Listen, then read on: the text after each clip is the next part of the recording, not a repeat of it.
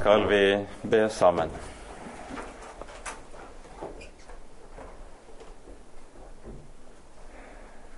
Kjære du hellige Herre, du allmektige Gud og Far. Så takker og lover vi deg at du vil være vår Gud. Du er den som har skapt alle ting ved din allmakts ord. Du, Herre, holder alle ting oppe, også ved ditt ord. Og Herre, du har gitt din sønn for at han skal være mellommann og veien inn til deg. Kjære gode Herre, nå ber vi at du som har holdt oss oppe til denne dag, at du vil være hos oss, og at du vil sende din Hellige Ånd og la oss få lys i ordet ditt. Ta deg av oss, Herre, at vi kan lære deg å kjenne, og lære å få se inn i og forstå hva du har kalt oss til som dine barn. Herre, forbarm deg over oss, og kom du. Det ber vi for Jesus skyld. Amen.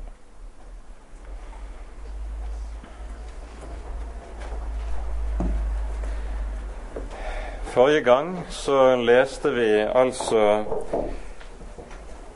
skapelsesberetningen slik som vi hører den i, fra kapittel 1 i Første Mosebok og frem til og med det tredje verset i kapittel 2. Med kapittel 4 eh, hører vi at vi så å si eh, begynner Unnskyld, med vers 4 så hører vi at det så å si spoles tilbake, og så settes der søkelys på én særlig eh, hovedsak ved skapelsen, nemlig skapelsen av mennesket. Nå er det slik at Første Mosebok er bygget opp på en helt særegen måte, meget systematisk. Ehm, den er bygget opp rundt og med utgangspunkt i et hovedord som dukker opp for første gang her i vers 4 i kapittel 2. I vers 4 her er det oversatt med ordet 'historie'. Dette er himmelens og jordens historie. Ehm, det hebraiske ordet som ligger bak, det er ordet 'toledot'.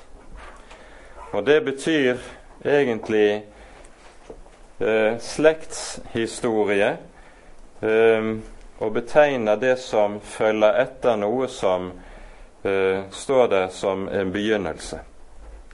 Dette ordet dukker opp ti ganger i Første Mosebok og er så å si det som utgjør noe av disposisjonen for Første Mosebok.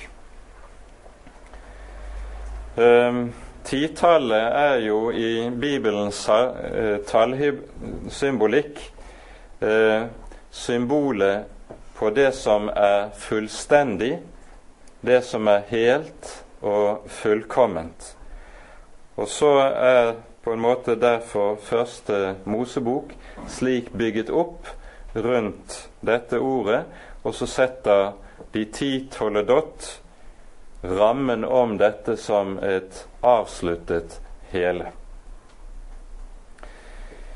I kapittel to er det vi altså først og fremst hører nærmere om hvordan det har seg med menneskets skapelse, mens vi i kapittel én bare får liksom oversiktsmessig og meget kortfattet og komprimert sagt det som er hovedsaken. Og For sammenhengen sin del tror jeg at vi skal gjenta og lese også det avsnittet fra kapittel 1 som vi også leste forrige gang, og vi leser ut kapittel 2. Det betyr at vi begynner i vers 26 i det første kapitlet og leser i sammenheng ut. Gud sa, La oss gjøre mennesker i vårt bilde, etter vår lignelse, og de skal råde over fiskene i havet, over fuglene under himmelen, og over feet og over all jorden og over alt kryp som rører seg på jorden. Og Gud skapte mennesket i sitt bilde. I Guds bilde skapte han det, til mann og kvinne skapte han dem. Og Gud velsignet dem og sa til dem, Vær fruktbare og bli mange, og oppfyll jorden og legg den under dere. Og råd over fiskene i havet, over fuglene under himmelen, og over hvert dyr som rører seg på jorden. Og Gud sa, Se, jeg gir dere alle urter som sår seg, alle som finnes på jorden, og alle trær med frukt som sår seg, de skal være til føde for dere. Og alle dyr på jorden og alle fugler under himmelen, og alt som rører seg på jorden, alt som det er livsånde i, gir jeg alle grønne urter å ete. Og det ble så. Og Gud så på alt det han hadde gjort, og se, det var såre godt. Og det ble aften, og det ble morgen, sjette dag. Slik ble himmelen og jorden med hele sin hær fullendt. Og Gud fullendte på den syvende dag det verk han hadde gjort, og han hvilte på den syvende dag fra all den gjerning som han hadde gjort. Og Gud velsignet den syvende dagen og helliget den, for på den hvilte han fra all sin gjerning, den som Gud gjorde da han skapte. Dette er himmelens og jordens følgehistorie da de ble skapt, den tid da Gud Herren gjorde jord og himmel. Det var ennå ingen markens busk på jorden, og ingen markens urt var enda vokst frem, for Gud Herren hadde ikke latt det regne på jorden og der var intet menneske til å dyrke jorden. Da steg der opp en damp av jorden og vannet hele jordens overflate. Og Gud Herren dannet mennesket av jordens møll og blåste livets ånde i hans nese, og mennesket ble til en levende sjel.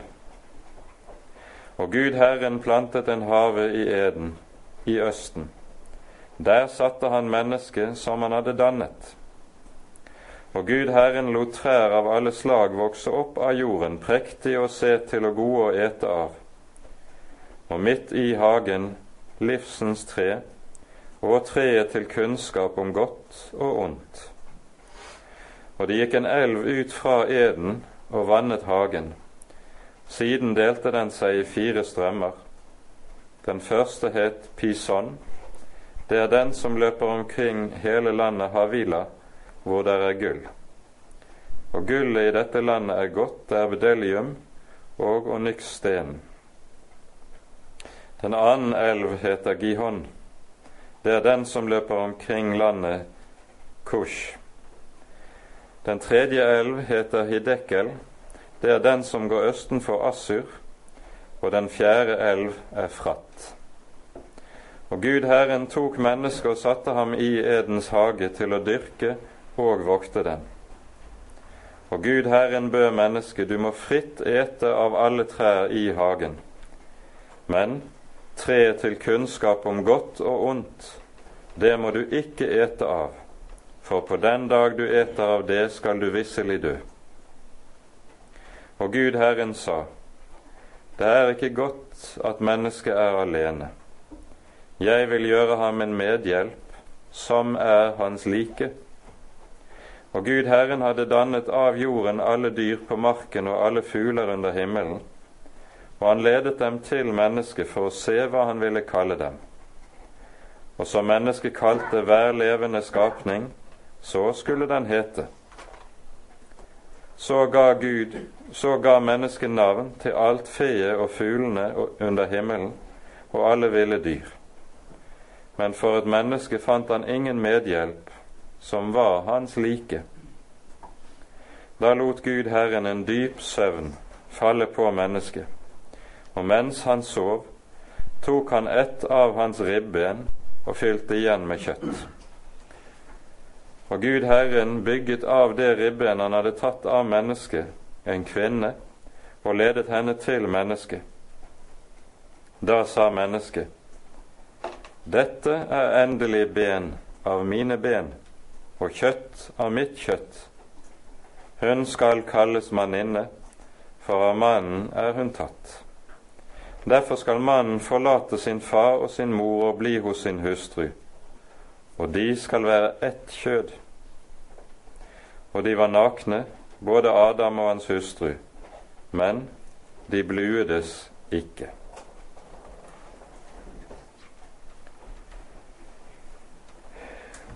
Her er det vi altså først og fremst hører om skapelsen av mennesket, og hvorledes Gud setter mennesket i skaperverket, og hvilken plass det får, hvilke kall det får, hva som kjennetegner mennesket. Når vi leser kapittel 1 i Første Mosebok, så ser vi her hvorledes alle ting likesom gradvis legges til rette og peker frem imot det som skal skapes den siste dagen, nemlig mennesket.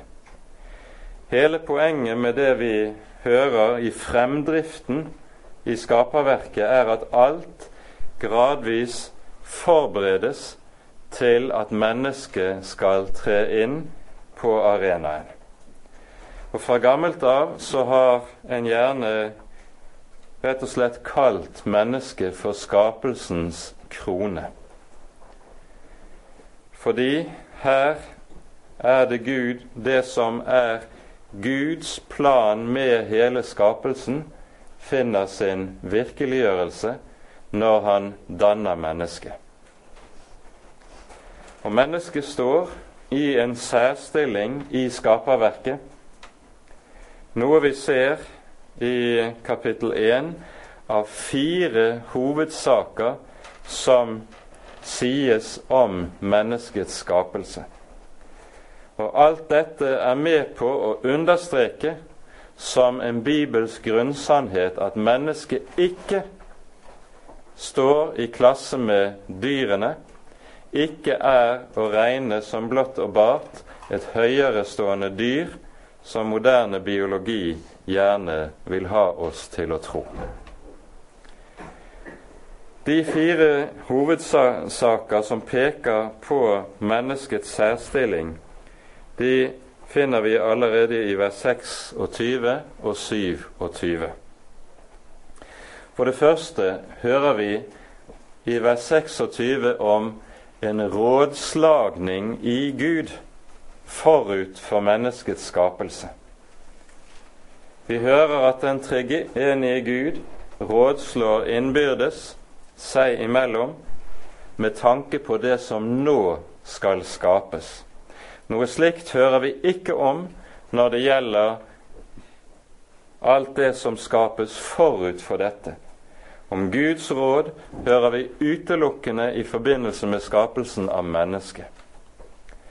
Og I Det nye testamentet tales det en rekke steder om dette Guds råd fra evighet, som har mennesket og dets samfunn med Gud i frelsen med tanke på evigheten for øyet.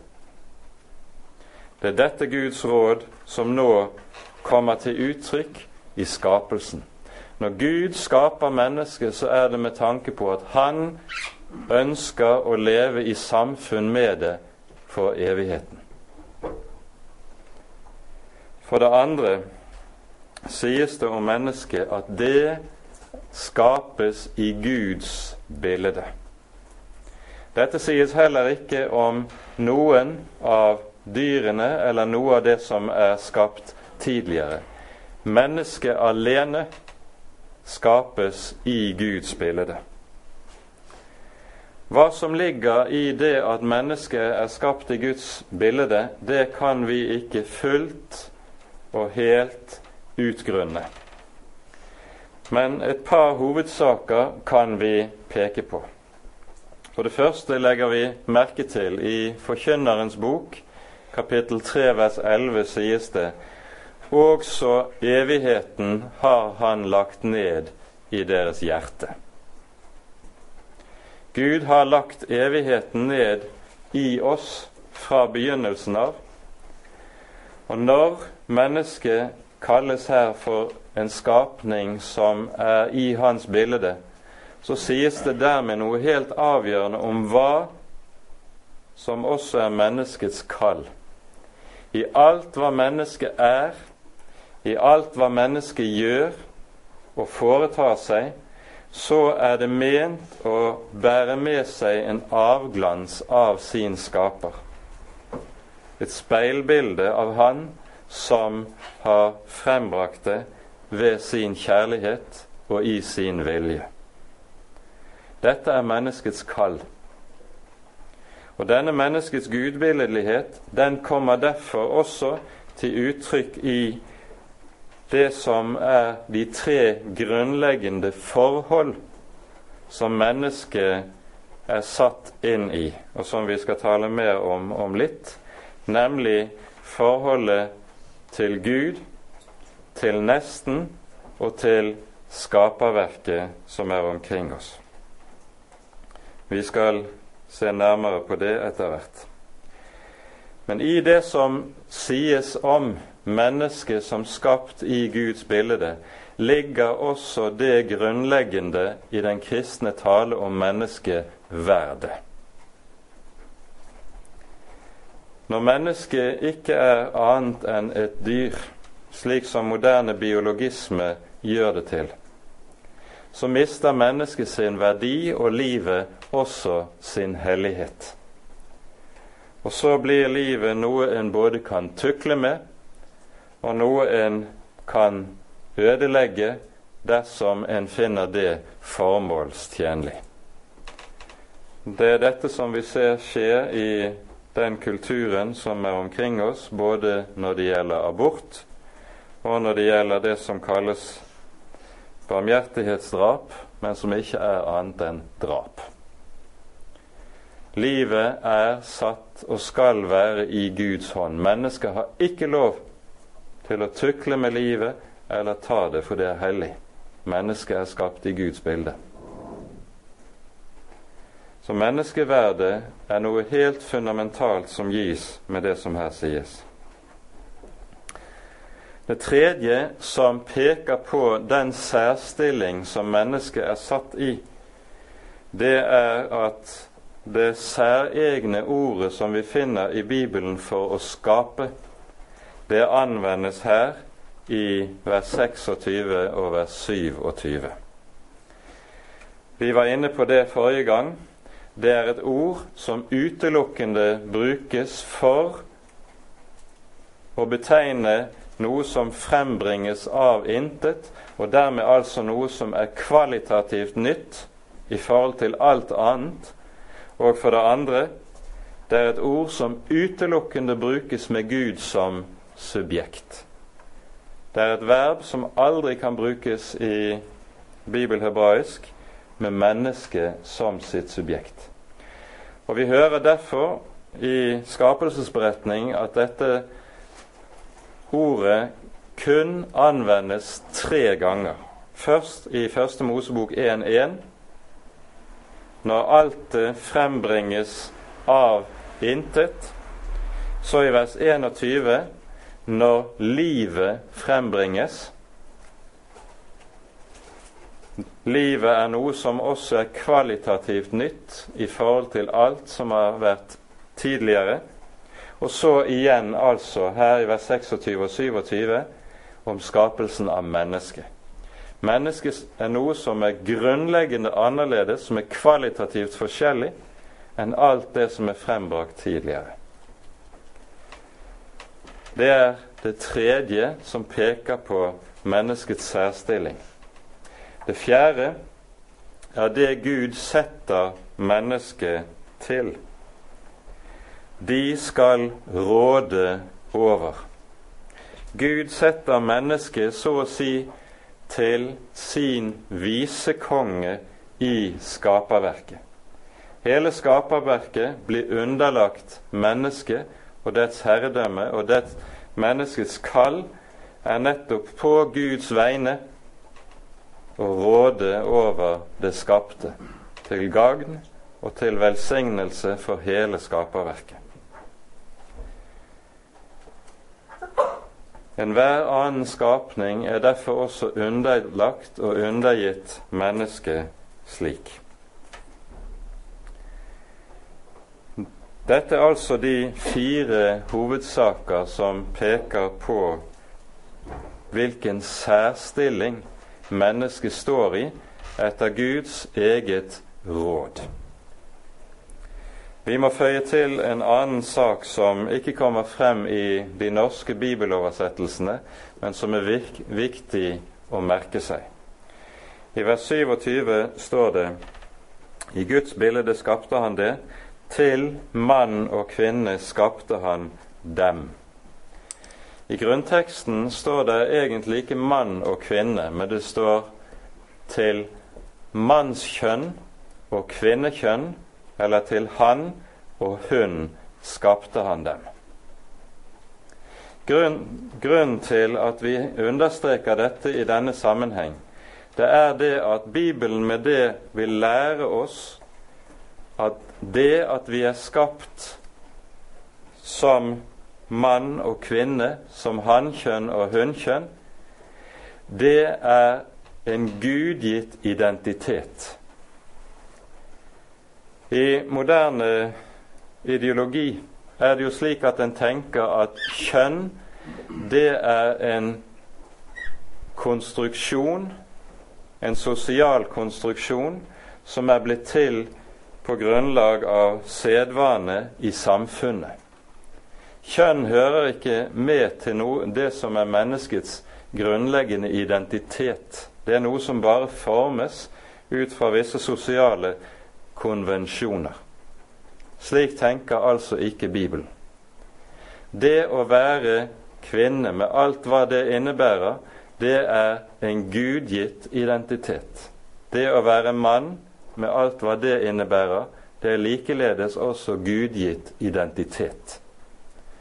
Og Når Gud på denne måten differensierer det som er skapt i hans bilde, er det med tanke på at de to i fellesskap skal høre sammen og gjensidig utfylle og berike hverandre. Det at mennesket som kjønnsvesen har en gudgitt identitet, det er noe som er helt fundamentalt å være oppmerksom på. Ikke minst i møte med mye av det som skjer i våre dager, der Angrepet på menneskets gudgitte identitet gir seg uttrykk nettopp i det som vi møter i kampen rundt homofilispørsmålet, kampen mot ekteskapet fra kulturradikalt hold, innen likestillingsbevegelsen osv. Her er hele poenget at en nettopp søker å ta bort dette som er en gudgitt gave, at mann og kvinne er skapt med hver sin identitet, og dette er noe som er gitt oss, og som skal tas vare på. Hva dette videre innebærer, hører vi jo mer om i det andre kapittel, men vær oppmerksom på dette i denne sammenheng. I engelske bibeloversettelser kommer dette til uttrykk slik det sies ikke til 'to man and woman he made them', men det sies 'male and female he made them'. Vi har ikke tilsvarende gode ord i norsk språk, og derfor har man valgt denne måten å oversette det på. Men det er altså uh, dette som ligger i grunntekstens ordlyd, og vær oppmerksom på det. Når vi i, så kommer til kapittel to, så hører vi mer utfyllende om skapelsen av mennesket. Kapittel 1 gir oss det store overblikket, panoramabildet, så å si. I kapittel 2 får vi fokus nærmere på hva som skjer rundt dette. Og her er det gjennom skapelsen av først Adam og så Eva vi lærer mer om det grunnleggende, hva det vil si å være menneske, sånn som Gud hadde tenkt det. For det første hører vi i vers 7 Gud Herren dannet mennesket av jordens muld og blåste livets ånde i hans nese, og mennesket ble til en levende sjel. Legg her merke til at sånn som Bibelen uttrykker seg her, så sier altså ikke Bibelen at mennesket har en sjel. Etter gammeltestamentlig språkbruk så sier Bibelen mennesket er en sjel. Det, den tankegangen der man sier at mennesket har en sjel, det er noe som først og fremst skriver seg fra gresk eh, tenkning og filosofi, mens Bibelen altså tenker annerledes. For det andre merker vi oss med det som her sies, at det mennesket er Det er at det er en underlig blanding av himmel og jord. Det er blitt til av jordens møll. Det er støv, og samtidig har det Guds ånde i sin nese. Det er også noe av Gud i mennesket. Og så har du mennesket som en skapning som skiller seg fra alt annet ved at det så å si både bærer himmel og jord i seg, høyden og dybden i sitt vesen. Og så er det også klart, ut fra det vi ellers leser i Bibelen, at mennesket med det meget klart skal vite hvem det er. Drar Gud sin ånde tilbake, er mennesket intet annet enn støv. Salme 104 er viktig. Dere kan lese den i sammenheng når dere kommer for dere selv. Den handler i sin helhet om skaperverket og Gud som skaperen og oppholderen. I vers 29 og 30 står det slik i Salme 104. Du skjuler ditt åsyn, de forferdes. Du drar deres livs ånde tilbake, de dør og vender tilbake til sitt støv. Du sender din ånd ut, de skapes, og du gjør jordens skikkelse ny igjen. Med dette skal mennesket vite at vi er støv dersom vi er uten Guds ånd. Det er alene ved at Han sender ut sin ånd og holder oss oppe dag for dag, at vi er liv og er også det som Gud har skapt oss til å være, er i Hans bilde. Med det sier også Bibelen noe helt avgjørende om hva gudbildeligheten handler om. Den handler om at mennesket er et avhengighetsvesen. Det er skapt til å leve i fullstendig avhengighet av sin skaper og sin opphavsmann. Og at mennesket derfor ikke er en skapning som så å si henter sin identitet fra det det er i seg selv, men det henter sin identitet fra det livsforhold, den livsforbindelse, det står i til Han som er Gud og skaper. Det innebærer i forlengelsen at der mennesket bryter forbindelsen med Skaperen, det som skjer i syndefallet, der mister mennesket også noe av det mest avgjørende i sin identitet. Og så blir med det til følge at livet blir tomt, og at mennesket gir seg på rastløs søken etter å finne seg selv, uten å vite og uten å forstå at det kun finner seg selv når det finner sin Gud. Mennesket er skapt til å være avhengighetsvesen. Det er en fundamental side ved Gud, gudbilledligheten Og det beskriver derfor også den grunnrelasjon som mennesket har. Mennesket er skapt uforbederlig religiøst. Menneskets religiøsitet, det er noe som er gudgitt. I og med syndefallet så blir menneskets religiøsitet som alt annet noe som avspores og kommer på avveie. Men dette som vi kan kalle for menneskets religiøse behov, det er noe som er Gud gitt og Gud skapt, og som kommer til uttrykk nettopp i dette at vi er skapt til avhengighet av ham. Augustin griper dette meget klart i de kjente ordene som mange av dere har hørt. Mitt hjerte er urolig, Gud, inntil det finner hvile i deg. Det er mennesket i en sum. Så er det også en annen sak som vi skal merke oss med det som vi hører her i dette avsnittet. Det er nemlig at til forskjell fra dyrene så er det slik at når Gud skaper mennesket, så taler Gud ikke bare til mennesket, men han taler med mennesket. Til dyrene kan Gud tale maktens skaperord, som sier 'Vær fruktbare, bli mange, oppfyll jorden og legg den under dere'. Og dyrene gjør så i kraft av Guds maktord. Men når det gjelder mennesket, så taler Gud også med mennesket. Hva sier det?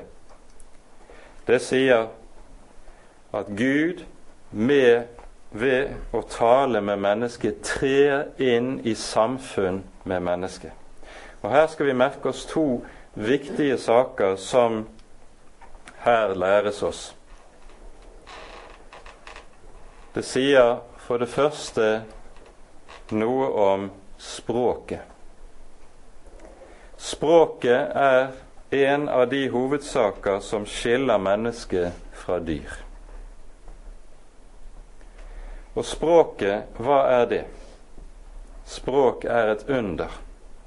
Og språket er vel noe som også vi dypest sett ikke helt kan gripe og forstå hva egentlig er for noe.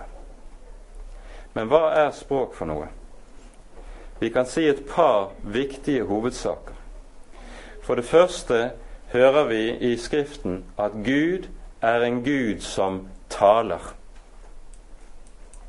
For at det skal være tale, så må det være person.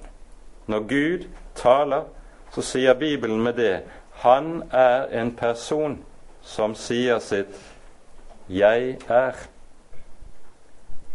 Og når mennesket så også begynner å tale, så trer mennesket frem som person. Mennes dette kan ikke sies om dyrene. Og det som skjer når mennesket trer frem som person, det at det blir stående ansikt til ansikt med sin Gud og kan si 'jeg' om seg selv og 'du' til Gud, som, som Gud sier jeg om seg selv og tiltaler oss med et du. Og så skal vi merke oss Guds ord til mennesket når han begynner å tale med mennesket. Det er det som så kommer til å konstituere menneskets Guds forhold. Slik er det gitt allerede fra begynnelsen av. Og i fortsettelsen av dette så hører vi at mennesket begynner å tale. Det er det som er betydningen av det vi hører i vers 19. Gud Herren hadde dannet av jorden alle dyr på marken og alle fugler under himmelen og ledet dem til mennesket for å se hva han ville kalle dem. Og som mennesket kalte hver levende skapning, så skulle det hete. Språket ble til, og gjennom språket konstitueres menneskets forhold til virkeligheten omkring. Det er noe av det som er språkets grunnbetydning. Uten språk så kan ikke mennesket forholde seg til virkeligheten. For språket har samme betydning for tanken og for menneskets erkjennelse som hånden har det for menneskets tekniske begavelse. Uten hender så var mennesket ingenting. Uten språk likeledes er menneskets erkjennelse absolutt intet. Så vær klar over at når Bibelen på denne helt enkle og enfoldige måte beretter om disse første ting, så gir Bibelen oss samtidig helt grunnleggende sannheter som er så dype at vi bare ser liksom fliken av det, og dog vi skal grunne på hva det innebærer. For språket har altså den betydning at med det konstituerer Gud gudsforholdet, og med det og gjennom det konstitueres også menneskets forhold til virkeligheten. Og ved det konstitueres også menneskets forhold til hverandre. Hva var menneskelig fellesskap uten ord? Ordene våre er det grunnleggende fellesskapsmiddel oss imellom. For at vi skal kunne forstå hverandre, må vi kunne tale sammen. Og slik er det at ordene og språket kommer frem som det første, noe av det første vi hører her allerede i skapelsesfortellingen.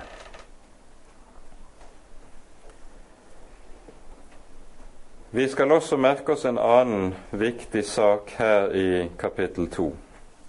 I kapittel 1 så brukes det et bestemt gudsnavn om Gud. På hebraisk Elohim. Mens i kapittel 2, fra vers 4 og utover, så sies det Gud Herren, og her brukes det hellige gudsnavnet som aldri ble uttalt. Det hebraiske ordet Elohim, det er et ord som i Skriften brukes for å betegne Gud som den allmektige, som den evig opphøyede, som den som er nettopp Skaperen. Mens det hellige gudsnavnet, som i hebraisk skrives med bokstavene JHVH, det er et navn som brukes for å betegne Gud som den som trer inn i personfellesskap med mennesket. Gud som paktens Gud. Og Derfor ser vi at det ikke er tilfeldig hvorledes Guds navn anvendes i disse tekstene.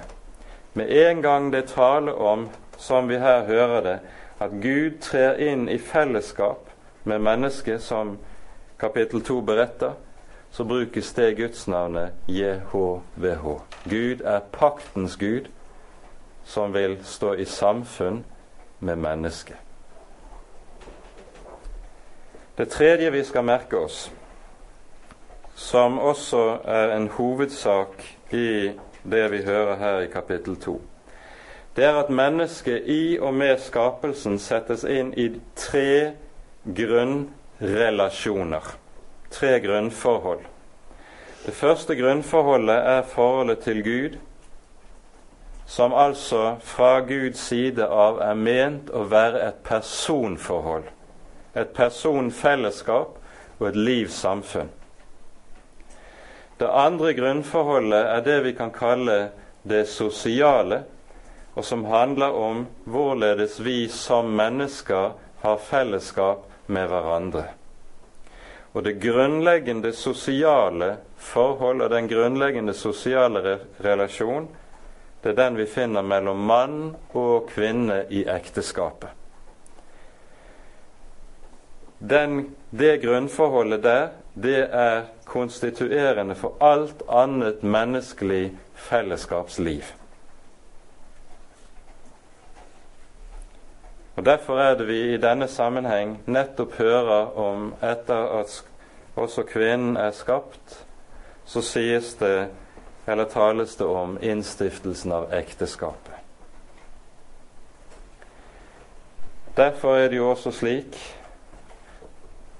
vi er alle på en eller annen måte enten slik at vi lever i ekteskapelig liv, eller vi er vokst opp i et hjem med mor og far, og så er det livet som var i cellen der, i hjemmet. Det er det som har så å si skapt forutsetningene for den jeg er i dag. Slik er det med hvert menneske. Det er det som skjer i familieforholdet, som utgjør grunnforutsetningen for alt annet menneskelig fellesskapsliv. Det er det andre grunnforholdet. Det tredje grunnforholdet, det er det som er til skaperverket for øvrig. Oppfyll jorden og legg den under dere. Gud sier til når han skal i sitt råd vil skape mennesket, så sies det 'de skal råde over'. Og Når vi hører nærmere om det, så settes Adam i hagen for å dyrke og vokte den. Med det setter Bibelen enkelt og kortfattet ord på det som man senere har kalt for kulturoppdraget. At vi som mennesker har fått et oppdrag i forhold til skaperverket. Vi skal råde over det, vi skal vokte det, vi skal dyrke det.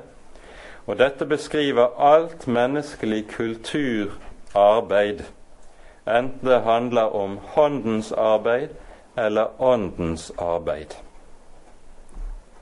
Samtidig som Gud så setter mennesket inn i disse tre grunnforhold til seg selv, mennesker til hverandre og mennesket overfor skaperverket, så er disse tre grunnforholdene også uttrykk for tre fundamentale livsbehov. Alle mennesker har et grunnleggende behov både for det å stå i et forhold til Gud, det religiøse livsbehov, et grunnleggende behov for å stå i forhold til andre mennesker, det sosiale livsbehov, og dernest behovet for å stå i et forhold til skaperverket omkring oss, arbeidets livsbehov. Og disse tre livsbehov er også samtidig de tre grunnleggende menneskelige rettigheter som Gud har gitt, som vi også skal være oppmerksom på. Når Gud senere pga. syndefallet så gir de ti bud, så skal vi være oppmerksom på at de ti bud de går inn i og skal verne nettopp disse grunnbehov som mennesket er skapt i forhold til. Og så skal vi vite og være klar over at intet menneske kan så å si forstå seg selv ene og alene i kraft av seg selv. Ethvert menneske kan kun forstå seg selv i kraft av det forhold det står i til disse tre grunnrelasjoner til Gud, til nesten og til skaperverket. Og gjennom disse tre er det at mennesket også får, så å si, fullbyrde seg selv. Dette er viktig å være oppmerksom på, for på denne måten så beskrives hele menneskelivets rikdom slik det var tenkt det fra Guds side som skaperen.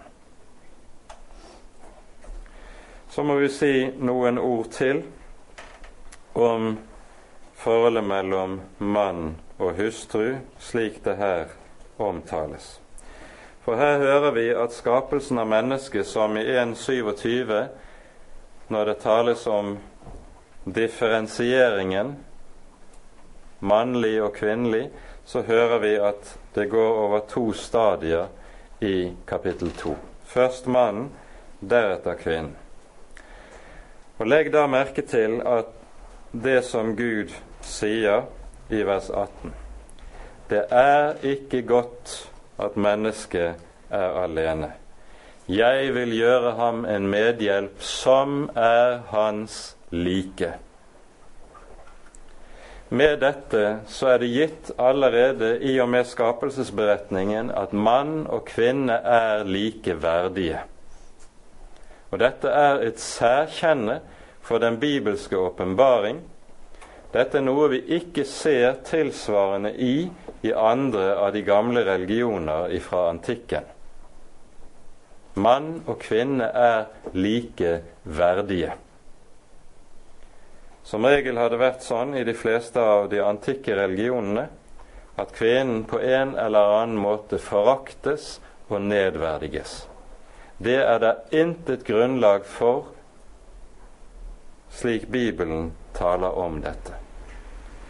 Og at en av og til har lest enkelte ord i Det nye testamentet slik at det likesom skulle bety at det skal være kristent å nedverdige kvinnen, det har ingen bibelsk dekning, men er misbruk av Bibelens eget ord.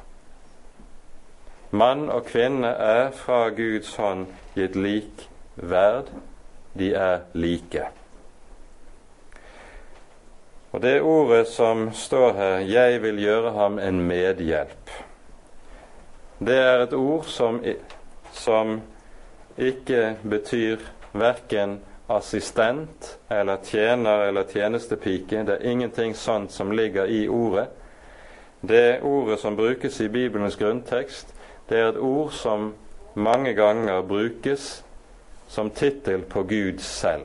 Han er min hjelp, sies det gjentatte ganger f.eks. i Salmenes bok.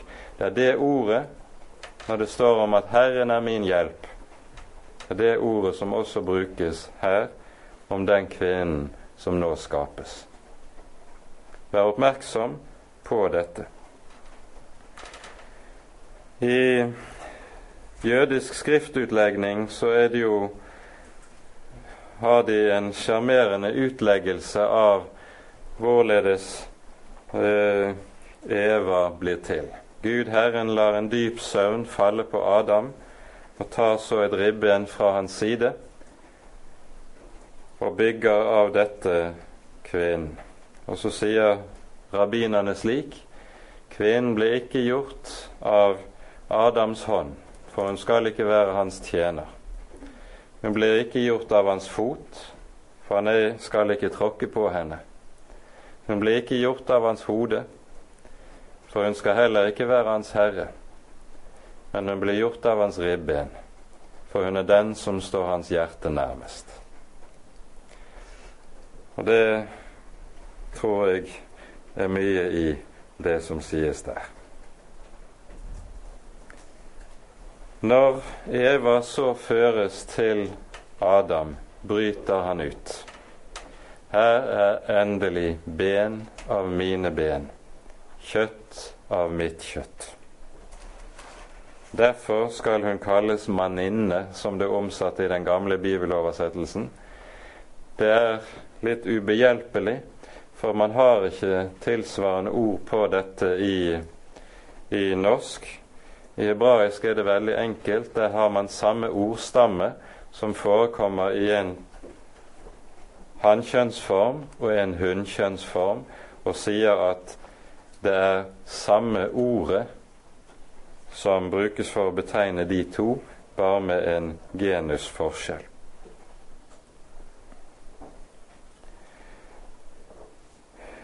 Og så kommer innstiftelsen av ekteskapet. Derfor skal mannen forlate far og mor og holde seg til sin hustru. og de skal være ett kjød. Det er jo dette ordet som Jesus eh, viser til i Matteusevangeliets 19. kapittel når det er tale om ekteskapet. Og der han uttrykkelig sier at skilsmisse er noe som er i strid med Guds ord, fordi, sier han, det Gud har sammenføyet, skal mennesker ikke adskille. Og så viser han da her til vers 24 i Første Mosebok 2. Vi skal være klar over at det som her sies i vers 24, det er formulert på en særegen måte som vi har eh, vanskelig for å få øye på ut ifra vår bakgrunn og kontekst. Språkbruken her er nemlig det vi kan kalle for juridisk.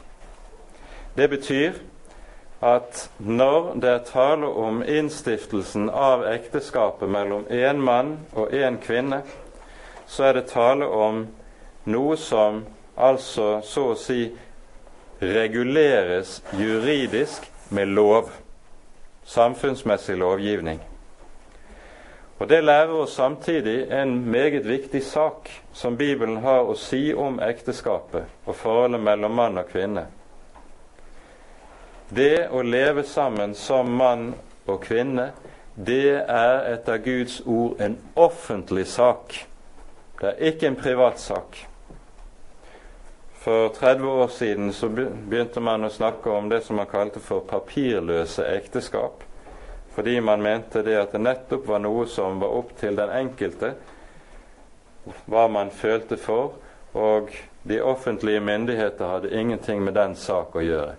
Hele poenget med Bibelens tale om dette er at ekteskapet nettopp er en offentlig ordning fordi den er så fundamental i alt menneskelig liv. Ekteskapet er grunnlegg den grunnleggende institusjonen i samfunnet. Og i et samfunn der ekteskapet går i oppløsning, der vil også samfunnet gradvis også gå i oppløsning. Derfor er det også slik at det å leve sammen som mann og kvinne uten offentlig ekteskapsinngåelse det har Bibelen et eget navn på. Det kalles hor. Det er synd.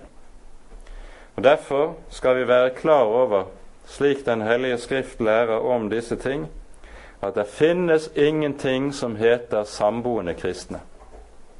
En som er kristen, lever ikke i samboerskap. En som lever i samboerskap, er ikke kristen. For han lever åpenbart i strid med Guds ord. Dette er avgjørende å være oppmerksom på i, i dag, Og det er uhyre mye forvirring rundt disse spørsmålene. Derfor er det også slik at Den hellige Skrift, når vi leser den sammenhengende, ikke kjenner noe annet samliv mellom mann og kvinne enn det som er i det offentlig inngåtte ekteskap som er innstiftet av Gud, og som fra hans side av er tenkt å være livslangt inntil døden skiller dem ad. Her er Bibelen meget, meget klar. Og når vi i våre dager opplever mye uklarhet på dette området, så kommer det av to ting. For det første at samtidskulturen øver et veldig trykk på den kristne menighet. Og da er det lett å bli forvirret. Og for det andre så er det stadig mindre grad av bibelkunnskap i den oppvoksende slekt, noe som fører til at en blir uhyre sårbar fra det trykket som er fra omverdenen. Men vær klar over Bibelen er helt entydig på disse tingene. Slik taler altså Den hellige skrift om uh, forholdet mellom mann og hustru i ekteskapet.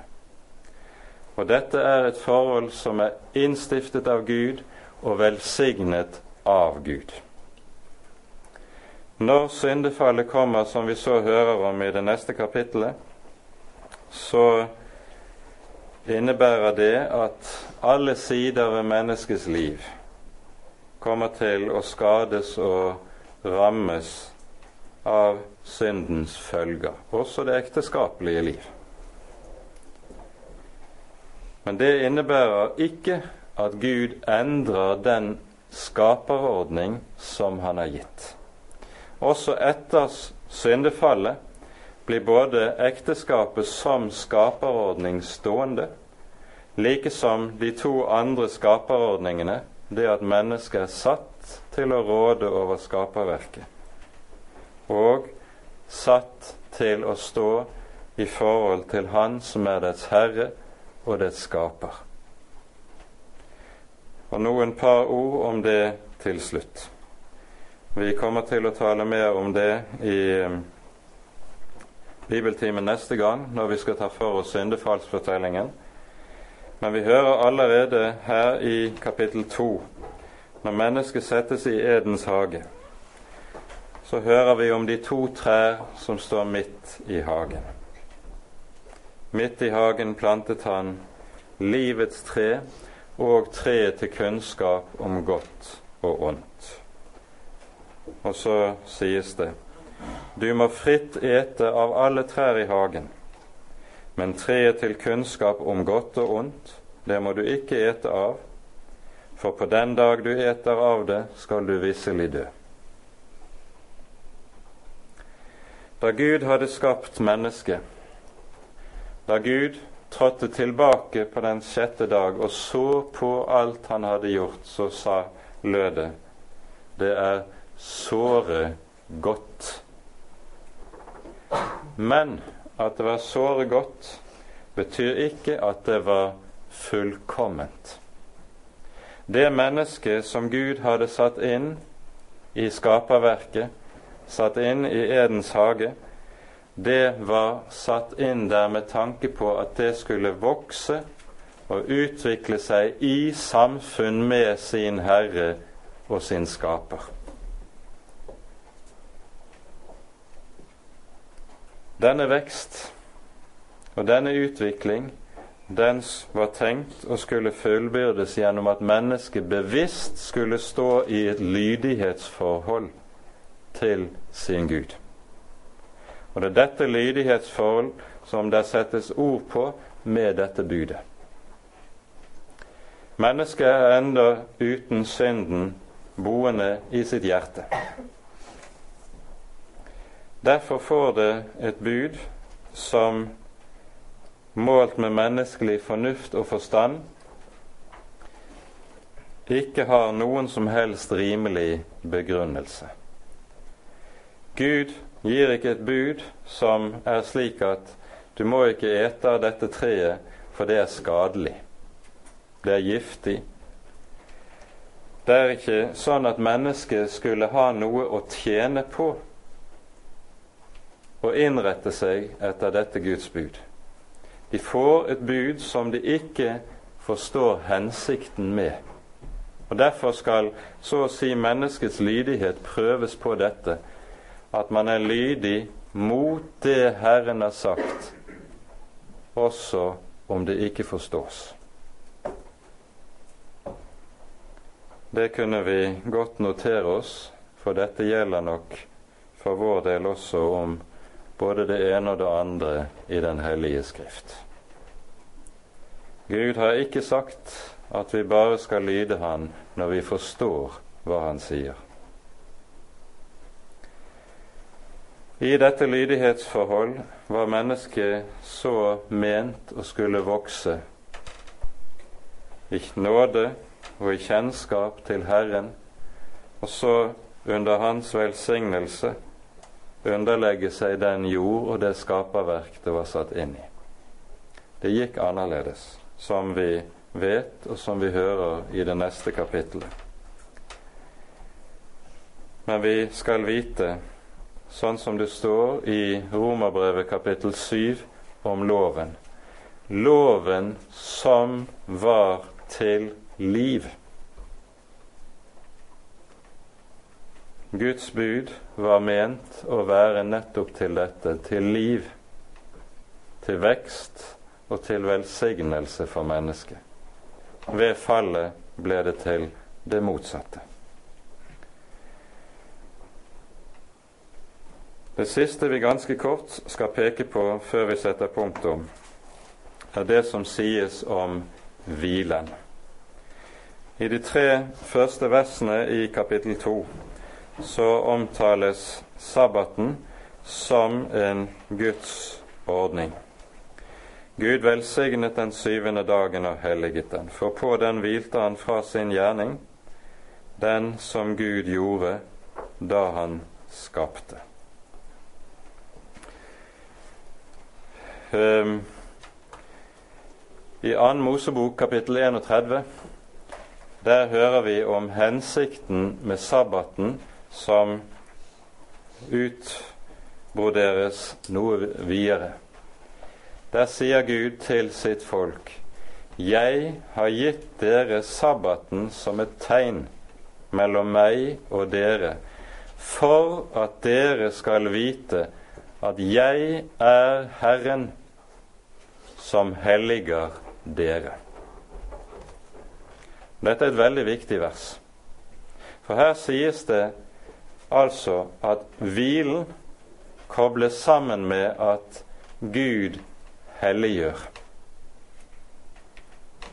Og Nettopp dette var det som den hellige dagen, hviledagen, var ment til fra Guds hånd.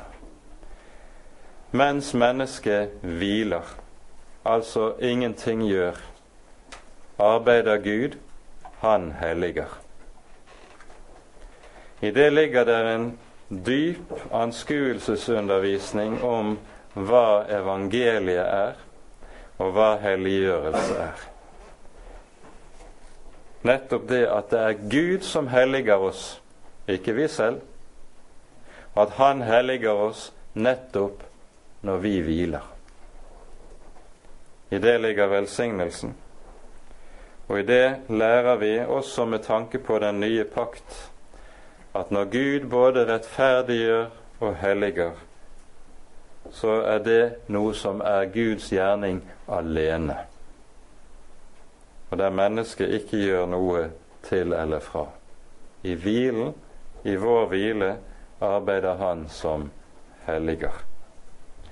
Dette har et underlig nedslag i den hebraiske teksten som ikke kommer frem gjennom våre oversettelser.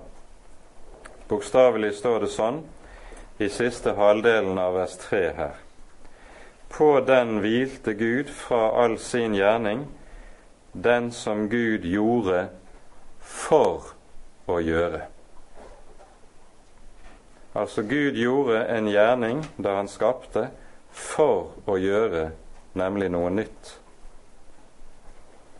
For å gjøre noe inn i det menneskets liv som han inviterer inn i sin hvile, den hvile som står tilbake for Guds folk. Dette utlegges nærmere i Hebreabrevets fjerde kapittel. Vi skal ikke gå videre inn på det her, men vi gjør bare oppmerksom på det. Og så kan dere lese teksten i sammenheng. Men merk dere altså den velsignelse som Gud har knyttet sammen med hvilen. Og så er hviledagen fra Guds hånd ment å være en usigelig gave. Det er det som er den grunnleggende hovedrelasjonen til Han som er Herre og Gud, skal få utfoldes, få styrkes og få lov til å nå frem og vokse i hellighet og kunnskap til Herren. Det har alltid vært slik at der Guds folk er nøye med helligholdelsen av dagen, der velsignes Guds folk også. Vi får ta det med til slutt og setter med det punktum. Ære være Faderen og Sønnen og Den hellige ånd, som var og er og være skal, en sann Gud, høylovet i evighet. Amen.